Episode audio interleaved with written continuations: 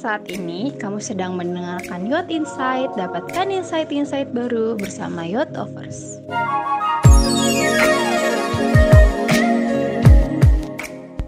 Three, two, one. Hi everybody, welcome back to another episode. Back with me, Davina Fazanisa. Today we are going to talk about something a bit more serious. We're going to talk about something in the adulting life. it is related to LinkedIn. So without further ado, let's get started. As a college student or maybe a high school student, it is uh, mandatory. I'm not sure it's mandatory, but uh, most people in this stage of their lives has their own LinkedIn. For those of you who haven't been professional with LinkedIn, it is a social network uh, that but the differences between like facebook uh, twitter and instagram is this platform focuses on professional networking and also career development so this platform is designed to like uh, make connections with people so instead of like making friends but it's more like making connections um, you can also share resumes find jobs uh, fyi this company is owned by microsoft and you know how many people used LinkedIn, there are more than 65 million people. So, yeah, definitely there are a lot of users, right? There are two uh, versions of the app. Wait, I keep saying app. Is it an app or a software, or are they both the same thing? Okay, never mind. But there are two versions. Um, there are the free version and also the premium version. The premium you have to pay some money. I'm not sure how much that is, but uh, there are more features such as you know you can access to linkedin learning or to some kind of like online classes and then also you can uh, see the people who viewed your profile because the free version won't allow you to do it. Yeah it is actually very similar to facebook but here you can post yeah you can post your updates uh, you can share and like contents and also you can um, message your friends. But this is where it gets tricky. So beside Besides all the awesome things that I told you about LinkedIn, it has several drawbacks, particularly maybe to your mental health. Let me just tell you a bit of my experience with LinkedIn. Um, when having LinkedIn for the first time, I guess it was in my first year. Uh, I don't really understand the app, but because since everyone starts making one, I did make my profile, and like uh, when you see like uh, who are you going to add just that kind of thing in the social media i thought to myself like oh my god everyone has their own experience or like internships in private companies and also um, interns and then they become the head of this one they become the ceo of that one. I was thinking like huh? Oh my god i just feel so inferior. I feel like huh? Oh my i i just feel so overwhelmed because you know all the people that i see on linkedin has very good um, headlines and yeah i feel like what's the point of me making this app i don't have the experience that i have you know so my self-esteem was very low because i was always comparing myself to probably my friends that i have in linkedin so at that time i stopped do i stopped uh, using the app and because i feel like okay i didn't have as much as experience as the others so what what what was I going to display and everything. That was in my first year. And so in the second year, when more people started their own LinkedIn, and you know my friends, um, I see a lot of uh, friend requests on my profile. So I actually used LinkedIn, but at that time, but I just like my bio is still empty and because I have no idea what to post, right? So yeah, when my friends send me a request, I don't add them because I feel like, hey, come on, what do what do you get in my profile? You won't get anything. So I feel like, okay, um, let's just ignore the friend requests. But as time passed by, probably it's about like in the third semester. No, in the second semester, I guess I identified the problems that I have with the app because, uh, like it or not, I have to use the app, right? It's the way that I get jobs. It's the way I can get connections and like it or not i need to face my fears so at that time i identified the problems that i have with the app.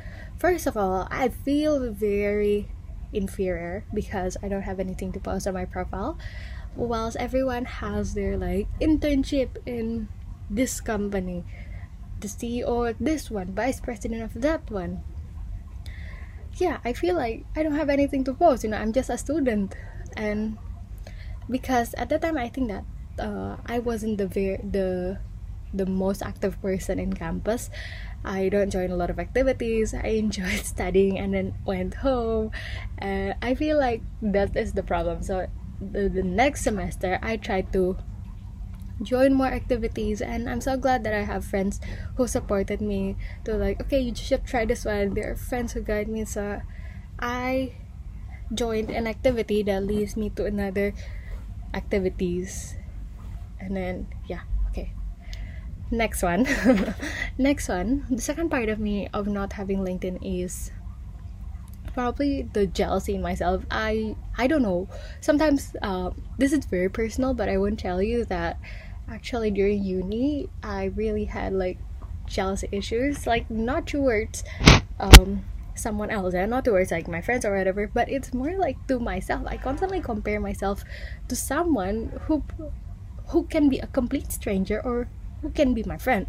So i don't envy like uh i want to i wait let me tell you how my envy was. Like uh, i'm jealous that you have that spot not like that but i feel like oh my god i wish i were to be in your position. Such as you know doing internships and also like being a vice or anything. Next time passed by and the quarantine begins um it was pretty coincidental for me to start my linkedin yeah i started my linkedin at like my fourth semester so it was pretty late but better late than never right so i tried it was pretty coincidental because I came across this website that says like what you need to do during your lockdown to stay productive. Um, it says that you need to rearrange your resume and also your LinkedIn page. And so I was thinking like, yeah, I uh, have a lot of time doing it, so I tried.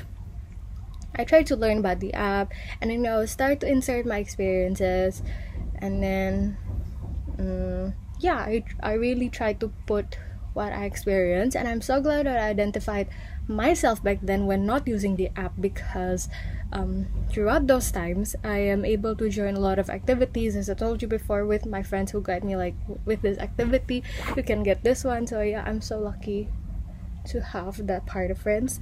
But yeah at least I have more experiences rather than the previous year so I feel a bit more confident I guess but when I was confident with myself already, when I see other people in my networks, everyone has their own ways, their own like they thrive in something that probably I would want, but it is not possible. For example, like people are doing great in um, consulting jobs in law firms, but since I was in psych major, um, I was thinking like yeah, there are a lot of overthinking that happens. There's, let me tell you that just to cut it short. Yeah, I feel the thoughts of self-loathing came to me. I feel like I constantly feel, how am I going to compete with all these people? And because they were more experienced than I do, right? So the experience that I told you is the detrimental effect of LinkedIn. So let me catch you right there. Yes, this is the detrimental effect, but um, let me tell you how to handle it. Okay, so I think to myself like LinkedIn is just another platform, you know what I mean? It is similar to Instagram, to Facebook, to Twitter, and constantly comparing yourself that leads you to self uh, self-loathing is I don't know. Um, a long time past, I see that it is another social media platform. I need to remember that not everything is real, just like any other social media and you know um, of course uh, probably it's more real because this is their jobs and their resumes is for their professional use i'm not saying that they lie about their job positions or whatever but i but you can't always see what happens behind closed doors right you can't see how much resumes they had to send out to recruiters about what kind of how many resumes that I have and the interviews that they get. You don't see that because you only see the achievement. You don't see the process of their work. You don't see how happy they have when they have the job in prestigious jobs because what I learned in my industrial psych class um, jobs you won't be happy with jobs with high pay because high pay comes um, high paychecks comes with like higher job loads right? And it it has the connection with job satisfaction. So and again they will not always show you the process behind it. It only shows you the the outcomes. I feel like social media is just another social media. So yeah definitely i think that is the way for me to to try to cope up with the so-called jealousy that i have within myself. Okay let us go to the conclusion. To sum up i think that linkedin is very beneficial. Yeah like it or not you will have to use the app and because you know you're trying to find jobs right? And then you you need connections so it is probably the first thing that recruiters will press when they want to hire someone. They look at linkedin. Yes there can be detrimental effects such as this one but it all comes back to how you deal with it. It's not it was my fault um, for backing down and you know not to fight the feelings fight the fears that i have but i took a flight from the decision. I took a flight of not using LinkedIn. I was okay that I am not like um I learned I learned something from it. So I feel like identifying yourself really do matter, especially like okay, so um, let me just sum you up to three steps. The first one is you need to identify yourself. Why are you afraid of the app? Why are you uh, feeling jealous? Why do you feel inadequate?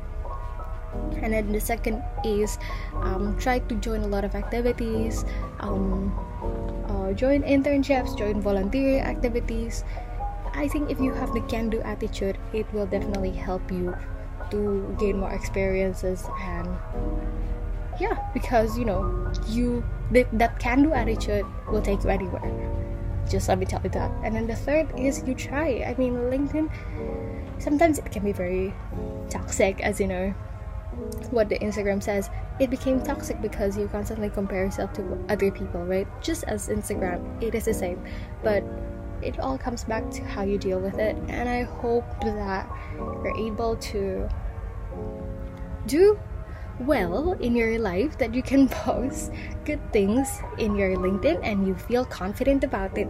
Okay, so thank you so much for listening to today's podcast. I hope you have an amazing day and I'll see you in the next episodes. Bye, everyone.